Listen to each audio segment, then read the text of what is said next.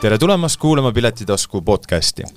kahe tuhande kahekümne neljanda aasta teine saade algab vennaskonna bändi liikmetega. meil on stuudios külas Tõnu Dubetski ja Lauri Leis. tervitus, härrad! tere, tere.! räägime siis tänases saates äh, vennaskonnast üli, üleüldiselt, teie tegemistest, mälestustest ja ka peagi saabuvatest kontserditest. Äh, ma arvan, et Eestis on väga vähe neid, võib-olla tõesti väga noor generatsioon, kes ei tea, mis ansambel on vennaskond. Te olete tuhande üheksasaja kaheksakümne neljandast aastast äh, tegutsenud rohkemal ja vähemal määral ja elanud läbi vägagi põnevaid, keerulisi ja märkimisväärseid perioode elus. Te olete kirjeldanud ennast kui punk-neoromantistlikku äh, rokki esindavat äh, kollektiivi. igal juhul mul on hea meel teid täna siin äh, stuudios tervitada ja võib-olla alustuseks äh, küsiski äh,, millised on teie tunded täna kahe tuhande kahekümne neljandal aastal oma peagi neljakümnendat juubeli tähistava äh, bändina, millised on teie ootused, väljavaated? ei oska öelda, et äh, ei ole, ei ole mingeid erilisi tundeid. et lihtsalt. et tuleb teha muusikat ja see muusika, mis te teete, teile endale endiselt meeldib? ja niimoodi proovime jah, ikka, et meeldiks endale. mina luban endale sentimentaalse tagasivaate just aastasse kaheksakümmend neli, kui mina olin siis äh, alles koolipoiss äh, ja kuulsin üks päev koolis klassivennalt, kes oma vanema õega oli äh, käinud Mustamäel ühel koolipeol, kus oli siis mitmed punk- ja metal-bändid ja, ja teiste hulgas siis kuulsin temalt, et seal astusid üles äh, vennaskond ja Veliki ja Luki, äh, kellele mõlematele see oli siis kõige esimene kontsert ja ja need nimed jäid mulle kuidagi pähe kõlama ja neid kuulsin alles hiljem ja ja siis poleks osanud tõesti arvata, et äh, vennaskonnast saab üks mu lemmikbände ja et ma kunagi ka saan võimaluse selles bändis mängida Ehm, ehm, mis juhtus aastal kaks tuhat ja, ja, ja mõningate vahedega olen siis siiani olnud tegev. Lauri, sina mängid bändis basskitarri? Ehm, viim-, viim-, viima-, viima-, viimasel ajal, viimastel aastatel jah, laivis pigem kitarri, aga aga juhtub, et võtan ka vahel bassi kätte, jah. ütleme nii, et kui me teame, et väga suur osa albumi salvestustest on ikkagi üheksakümnendatest ja lugude valik on lai, siis äh, olles liitunud kahe tuhandel aastal.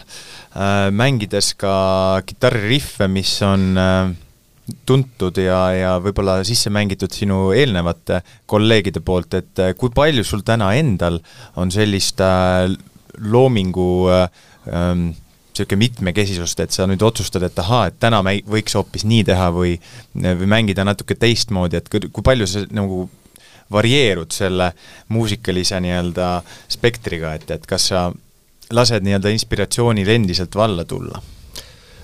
no et väga, väga palju ei taha eksperimenteerida, et, et vennaskonna puhul inimesed tahaksid ikka eh, lugusid ära tunda, et kuigi mäletan ühte kontserti, kus äh, oli mingi hetk, kus bändis võis olla kolm kitarristi ja kellel kõigil oli selline no natuke eksperimenteeriv periood. Ja, ja seal küll läks selline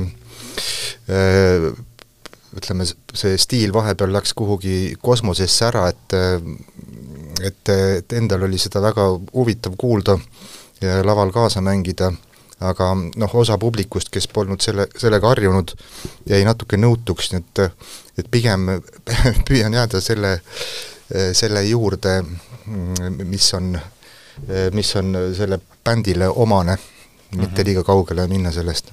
no kui me mõtleme, et teil on läbi aastate olnud vägagi lai koosseis äh,, Tõnu, kui palju on olnud täna venna, tänaseks vennaskonnas äh, bändi liikmeid selle aja jooksul?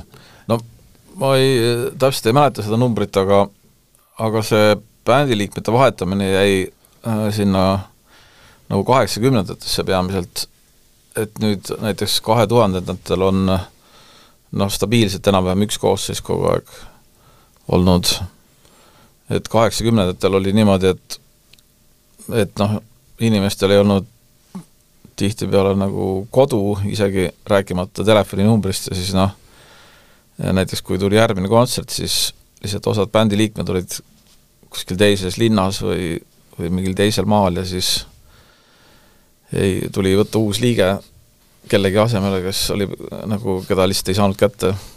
et ühesõnaga, see koosnes äh, sõprusringkonnast muusikutest äh, sarnase maailmavaatega sõpruskonnast. Ja, ja vastavalt sellele siis võeti, et kuule, nüüd oleks vaja, et, et meil on homme keika, et, et kuule, tule ja mängi trumme näiteks. ja niimoodi, niimoodi jah. mul tuleb selle kohta isegi üks äh, humoorikas seik meelde, mida Tõnu võib-olla ei ole intervjuudes maininud, aga see on tulnud jutuks, et just ühel sellisel hetkel, kui mingil kontserdil oli puudu trummar siis Tõnu äh, tahtis kutsuda trummariks äh, samal üritusel esinenud äh, ansambli Röövelööbik trummarit Raul Saaremetsa, aga kuna ta ajas Raul Saaremetsa ja kitarrist Allan Melnitski segamini, siis ta kutsus kogemata trumme mängima kitarrist Melnitski, kes meelsasti ka tuli ja mängis sellel kontserdil vennaskonnas trumme ja isegi veel, isegi veel mitmel kontserdil peale seda. Okei okay,, nii et äh, seiklusi on teil palju olnud, aga nüüd, kui me vaat-, mõtleme tagasi täna kaks tuhat kakskümmend neli, kahe tuhande kahekümne, jah, kahe tuhande neljateistkümnendal aastal tunnustati teid elutöö eest ja nimetati ka Eesti rock n rolli kuulsuste koja liikmeks. suur tunnustus Äh, kui nüüd mõelda selle peale, siis äh, see viitabki sellele, et te olete äh, selle aja jooksul suutnud saavutada, jätnud märgi maha. minnes tagasi veel kaugemale, jõuame nendele natukene segastele ja keerulistesse ajaperioodi tuultesse, kus siis punk ja anarhia, pungi anarhia jaoks oli sobiv pinnas. kui me nüüd mõtleks natuke tagasi äh, kaheksakümnendate aastate peale. mis on teie jaoks punk ja mis oli punk siis ja punk täna, sest et äh, on ju selge, et punk ei ole ühtselt defineeritav ja see on ikkagi ajas muutuv väljendusvorm. et mida punk tollal teie jaoks tähendas? ja miks te olite need sellised inimesed, käitusite sellistel äh, viisidel et mis seda ajendas, et noorem kuulaja võib-olla saaks paremini aru, et kui me mõtleme, et me teame vennaskonda, ta teeb tänase päevani aktiivselt kontserte ja nendel lugudel on mingi taust, siis mis selle nagu kaugem tähendus on? no meil just oli praegu eelmise aasta lõpus oli äh, koos kontsert Public Image Limitediga, noh, kelle laulja on Johnny Rotten, kes on siis nagu pungi leiutaja põhimõtteliselt ja siis seal kontserdi all noh, tuli tahes-tahtmata nagu mõttesse see, et, et noh, et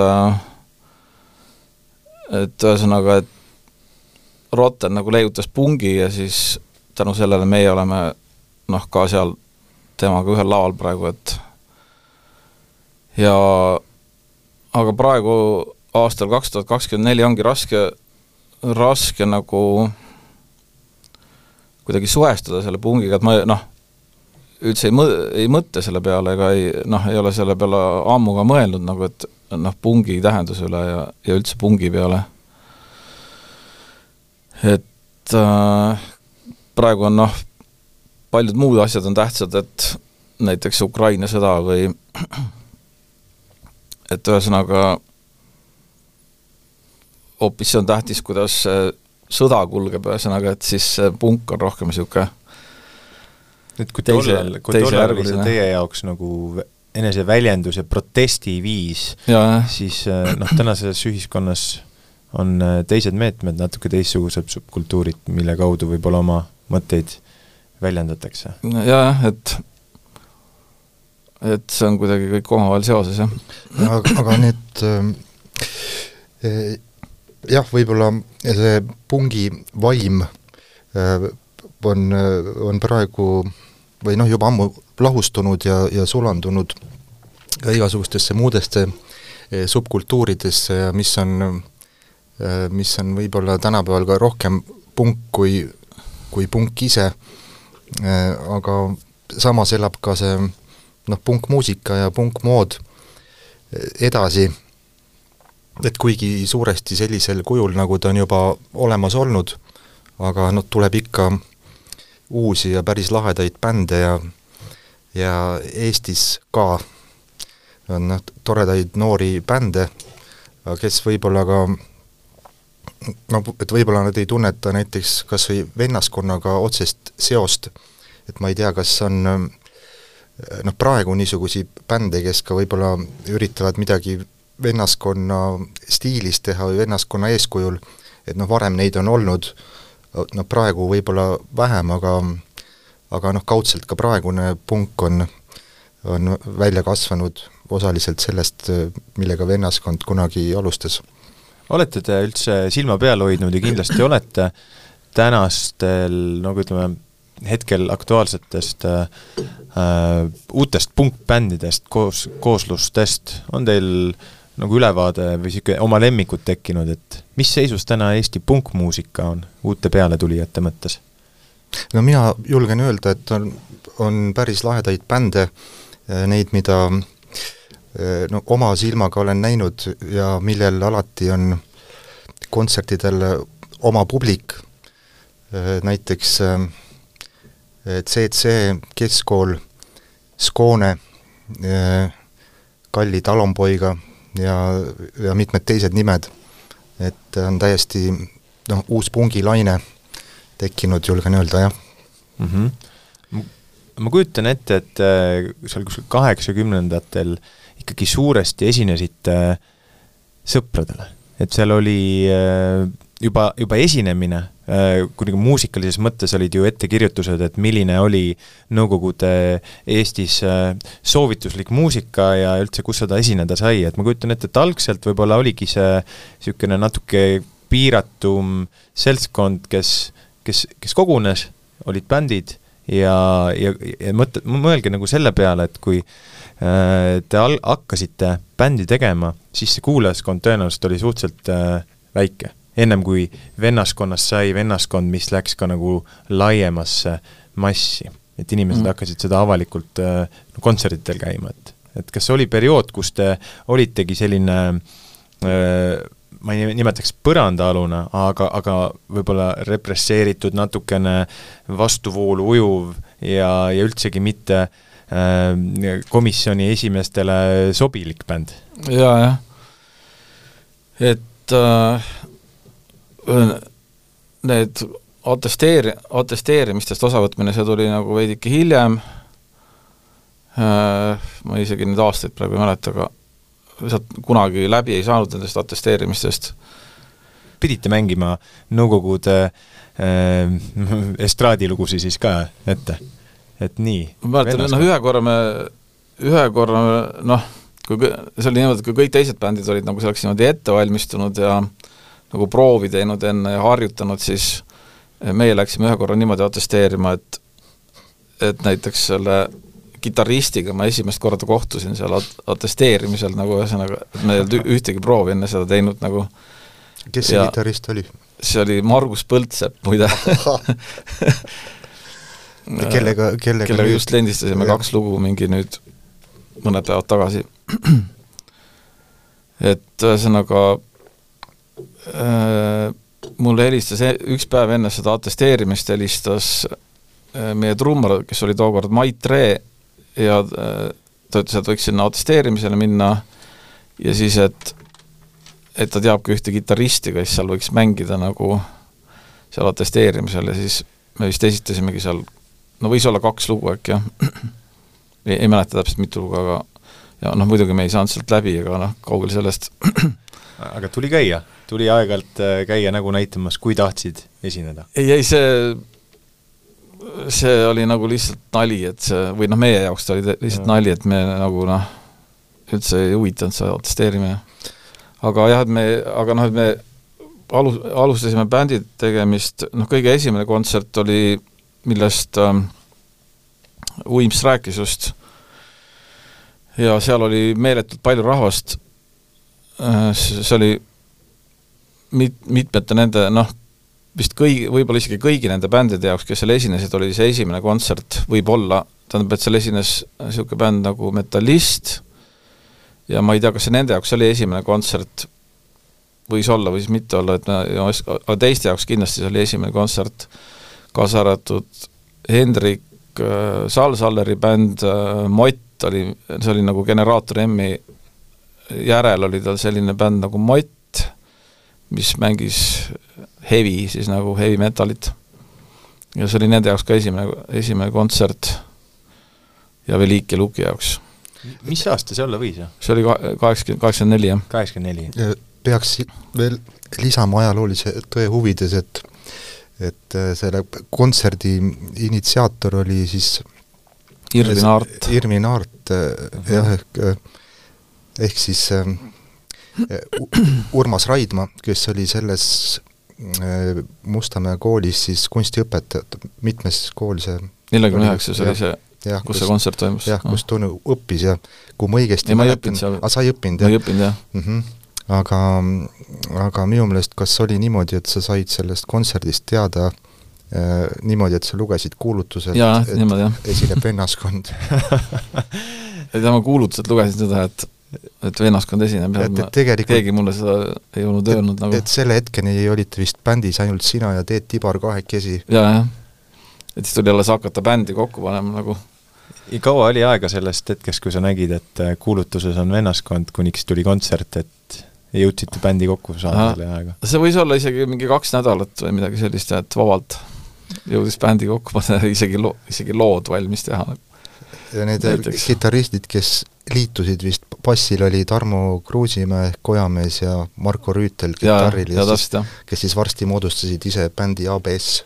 jaa, või neil juba võis see juba olemas ka olla mm. nagu. kas, kas see oli, ajastu, mis nii-öelda Eesti pungi ajaloos võiks öelda, et see on niisugune teine pungi lainehari, et kus hakkasidki uued punkbändid äh, formuleeruma, teie, JMK, Velike Luki ja nii edasi? jaa, jah nojah, see oligi jah, see oli päris pöörane ajastu, ma kujutan ette. see oligi jah, nagu see päev põhimõtteliselt, kui see, need bändid nagu hakkasid, siis oli esimene kontsert meil.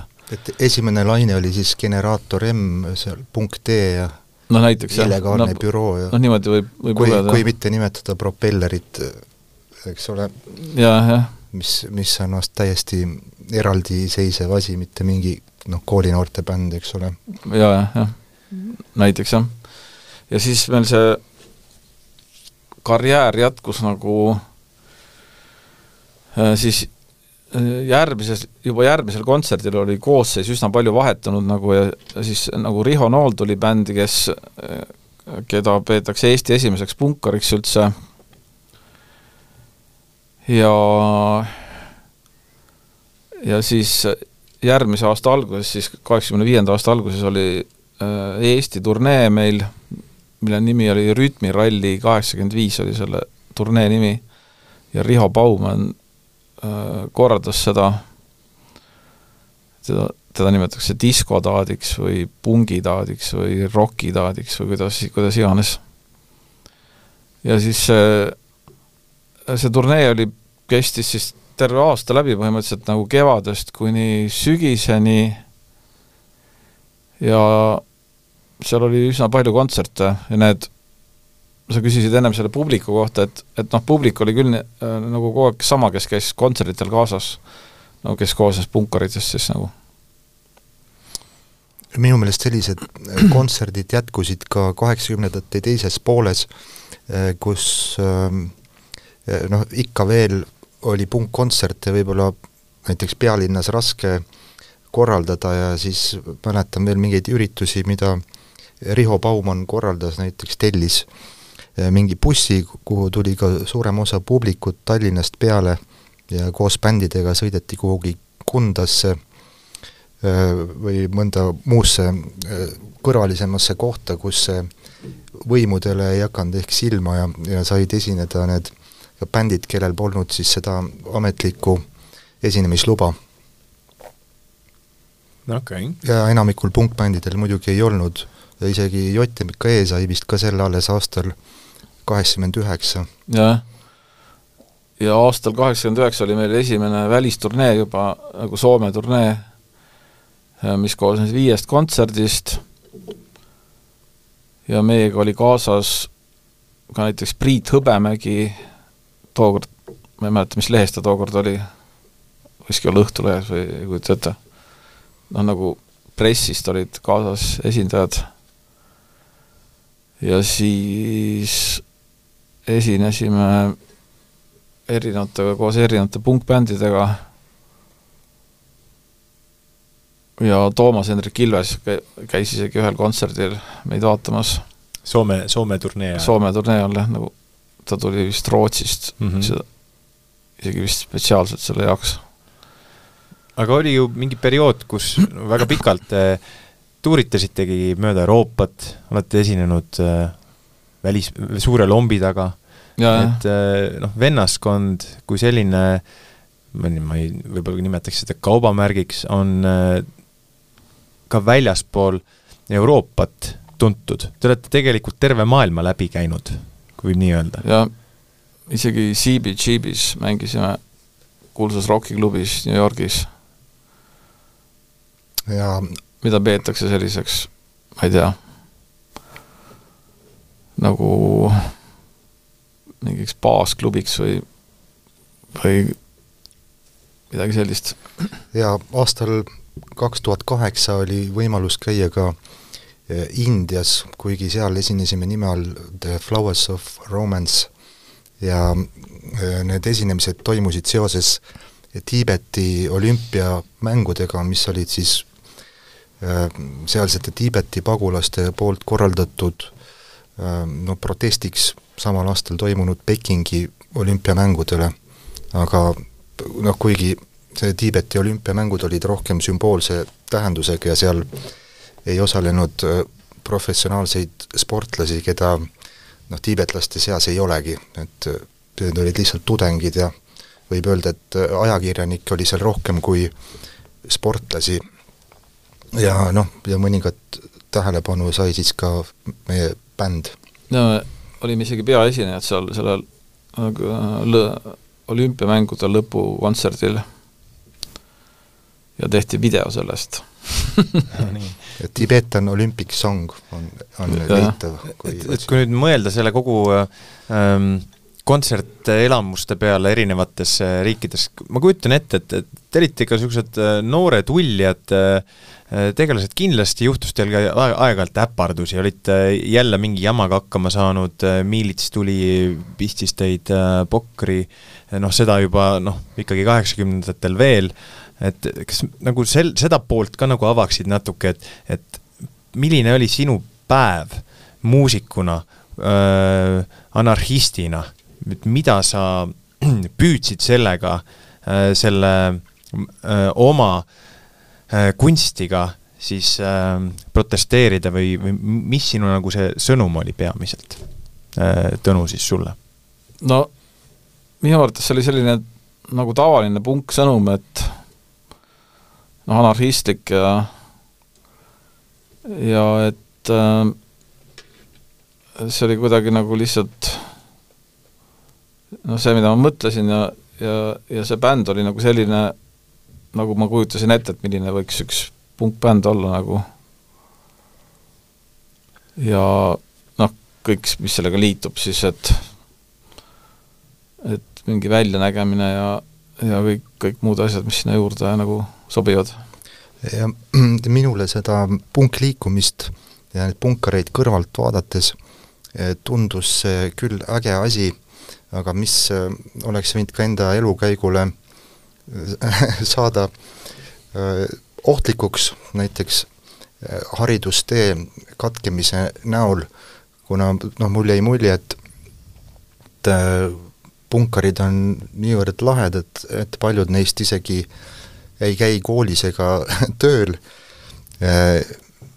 Ja noh, siis vahepeal hakkas tunduma, et, et, et miks, et miks minagi siis seal koolis käin, et kool on ju jama, pealegi veel Nõukogude kool, et nii palju tüütuid aineid, aga, aga siiski et õnneks kodusel survel sai vähemalt see haridus, haridustee ja keskkool lõpuni veetud ja, ja nii mõnigi punkar, kes omal ajal uljalt kooli jättis pooleli ja on siis aasta hiljem ka õht-, õhtukoolis näiteks juba Eesti Vabariigi ajal oma haridustee, haridustee lõpuni käinud.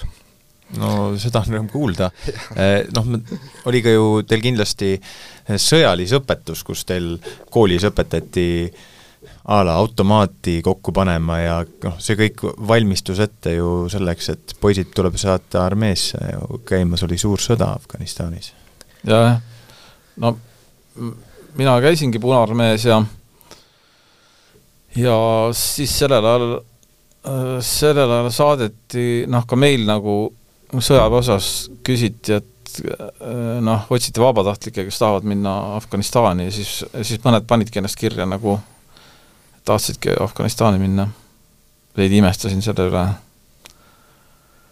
ja mina olin Eestis ja Lätis olin nagu sõjaväes ja väga enda kodu lähedal nagu kõigest mingi viieteist minuti jalutuskäigu kaugusel nagu näiteks enda suvilast oli see sõjaväe osa.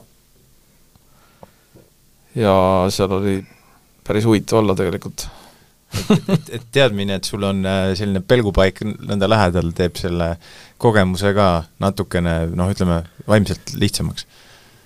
no võib-olla seda ka, jah, jah. mind jällegi äh, aitas teadmine, et ma olin kuulnud mõnegi noh, vanema punkarist sõbra või tuttava käest, et et nad on pääsenud Nõukogude armeesse värbamisest no erineval moel, millest eh, üks levinum viis oli, oli sattuda psühhoneuroloogia haiglasse. Ja ja noh, järgisin, järgisin ka ise seda eeskuju ja seetõttu ei teeninud Nõukogude armees. Ja no ei, ei ole, ei ole kahetsenud, et ei, ei sattunud sinna. aga jah, et, et imetlen, imetlen neid, kes sealt terve naha ja terve mõistusega välja tulid ja peale Tõnu on vist vähemalt veel paar vennaskonna liiget käinud, Anti Patiik on ju teeninud ka armees. jah, seda küll, jah. Aga vennaskonna lugudest võiks välja tuua palju. igal lool, eriti tol ajal, oli sellel taga mingi mõte, sõnum, sünnilugu. kas te meenutaksite mõne vennaskonna tuntud või vähem tuntud laulu tagamaad, sünnilugu, kuidas ta tekkis? Kui inimesed oskavad seda võib-olla kinnisilmi kontserdil kaasa laulda, siis tihtipeale ehk ei teata, mis oli tegelik selle sõnumi mõte ja, ja, ja kust see tuli. ehk teil on meeles või tahate jagada mõnda, mõne laulu tagamaad hmm.? ahah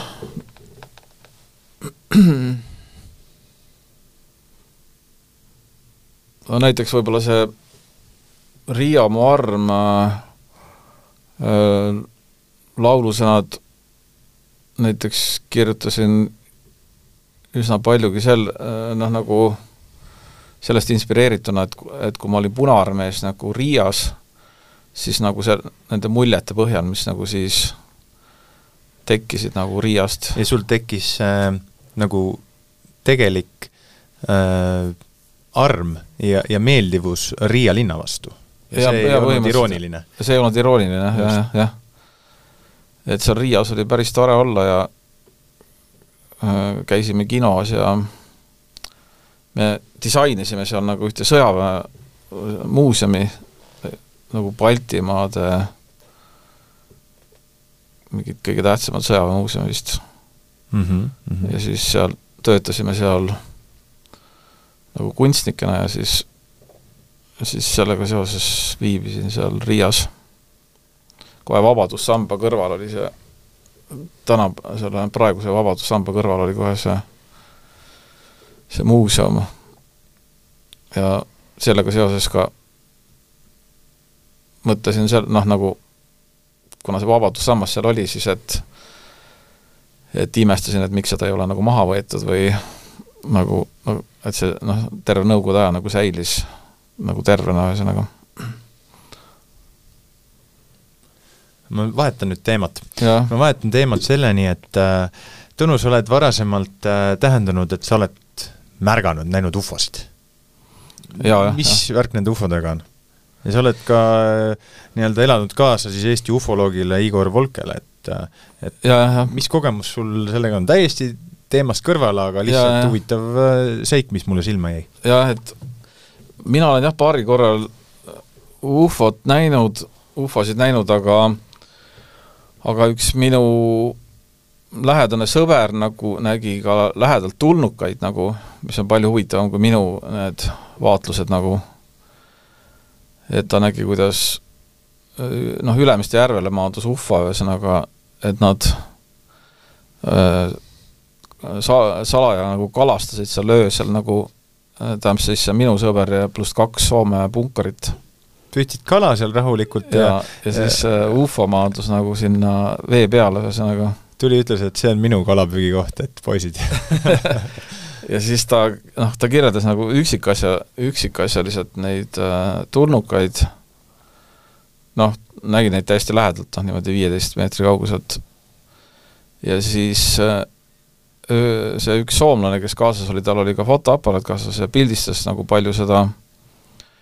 Ja siis, kui ta, see soomlane tahtis neid nagu Soomest neid pilte nagu ühesõnaga noh, selle teadus, teadus, teadusajakirjale nagu maha müüa ja siis ta oleks noh, nagu peaaegu vangi pandud selle eest, et noh, et nagu, et üritab nagu või noh, nagu võltsitud neid ufo fotosid nagu noh, maha müüa, ühesõnaga, et, et peaaegu oleks vangi läinud selle pärast nagu.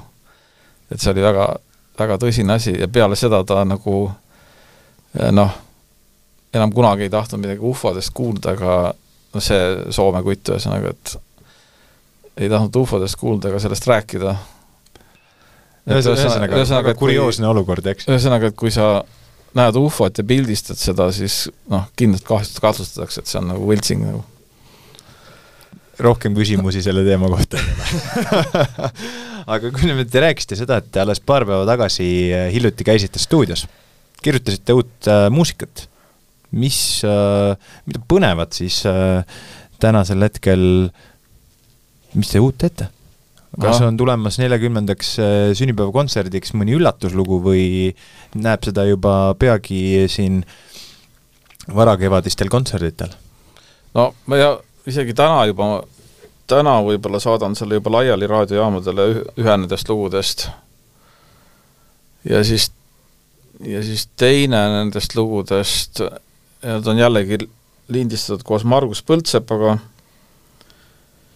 ja teine nendest lugudest siis on nagu, et Margus Põldsepal oli kunagi äh, raadiohitt, selline nagu Korsaari lugu, see oli mõned korrad kindlasti ka edetabeli esikohal aastal, võis olla üheksakümmend kolm raadiotes ja nüüd on nagu kolmkümmend aastat sellest äh, loost, ühesõnaga siis me tegime Korsaari lugu kaks tegime sellise loo nagu ühesõnaga selle jär-, nagu selle järje just, justkui selle juubeliks.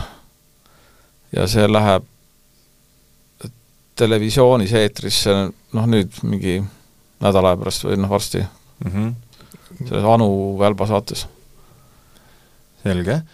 nii et äh, kõik äh, vanad fännid, kes juba teavad teie repertuaari poolenisti peast saavad peagi uut materjali, mida, mida, millega siis üllatuda ja seda omaks võtta. see on, see on tore. isegi täna võib-olla, kui ma jõuan laiali saata selle loo. Aga, mis mis teid ajendab täna üldse veel uut muusikat kirjutama ja kui palju te täna seda üldse olete võtnud enda sooviks, sest et teie lood on tuntud? tõenäoliselt nii tuntud, et on pool repertuaari, palju repertuaarist, mida teil endal on juba huh, tüdimuseni mängitud, et ja, ja. Äh, kui palju te üldse olete mõelnud, et looks uut muusikat ja sellist mm. muusikat, mida ka võib-olla siis äh, helikandjale mm, jäädavalt salvestada ja mm. laivis esitada? no meil ilmus just see äh, vinüülplaat, uus, uus album Hipodraam eelmise aasta lõpus ja noh, seal on kõik uued lood põhimõtteliselt. aga on see nagu jätkuv tegevus, et et noh, võikski iga, iga aasta mõned uued niisugused lood välja anda, sest inspiratsiooni ja. tõenäoliselt ju millest kirjutada on? ja meil on nagu ka stuudios pooleli nagu albumitäis lugusid,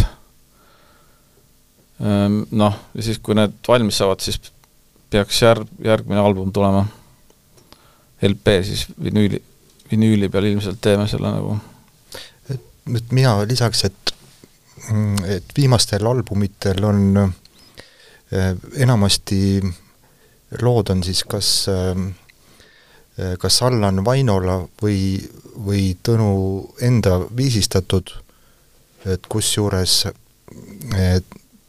Tõnu on teinud äh, viise rohkem teiste autorite tekstidele kui enda omadele.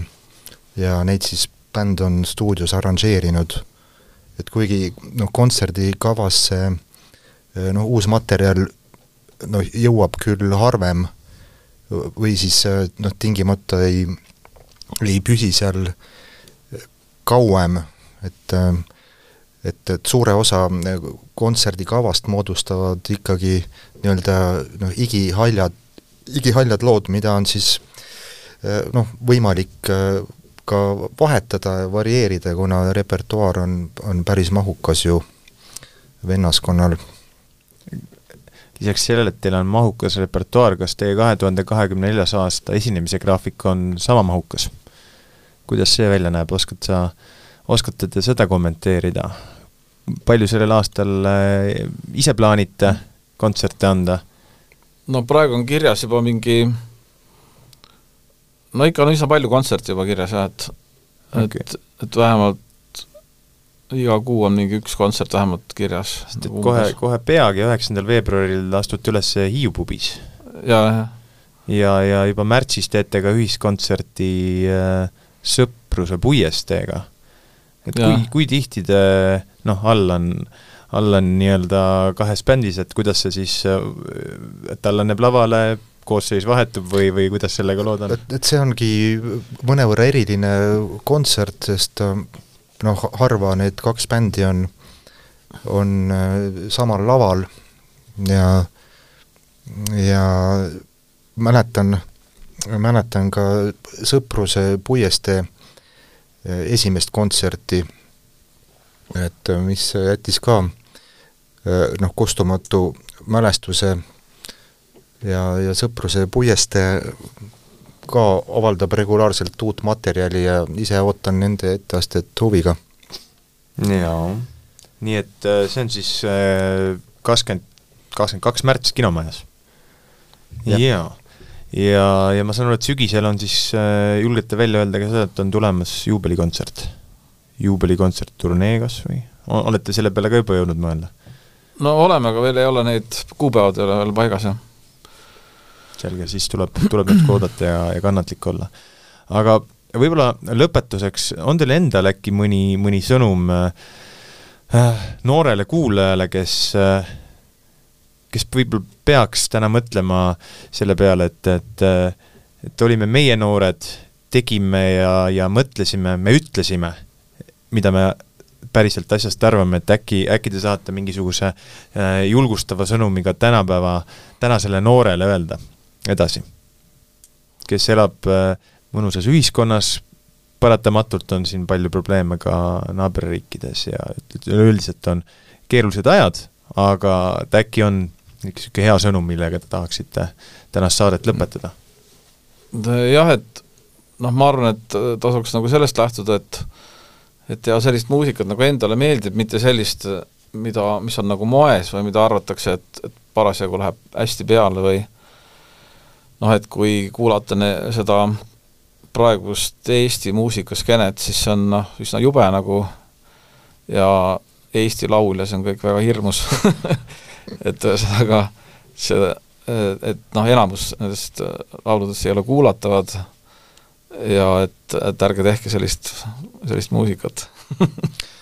No mina ütleks jaa, et, et sellisel juhul, kui kui ei meeldi, ei meeldi see ümbritsev, et siis ärge jääge passiivseks, vaid vaid tehke sellist muusikat üldse, tehke seda, mis, mis teile meeldib et mitte seda võib-olla, mida mida elu või, elu või sootsium teile nagu ette söödab ja, ja, ja, ja peale surub justkui märkamatult.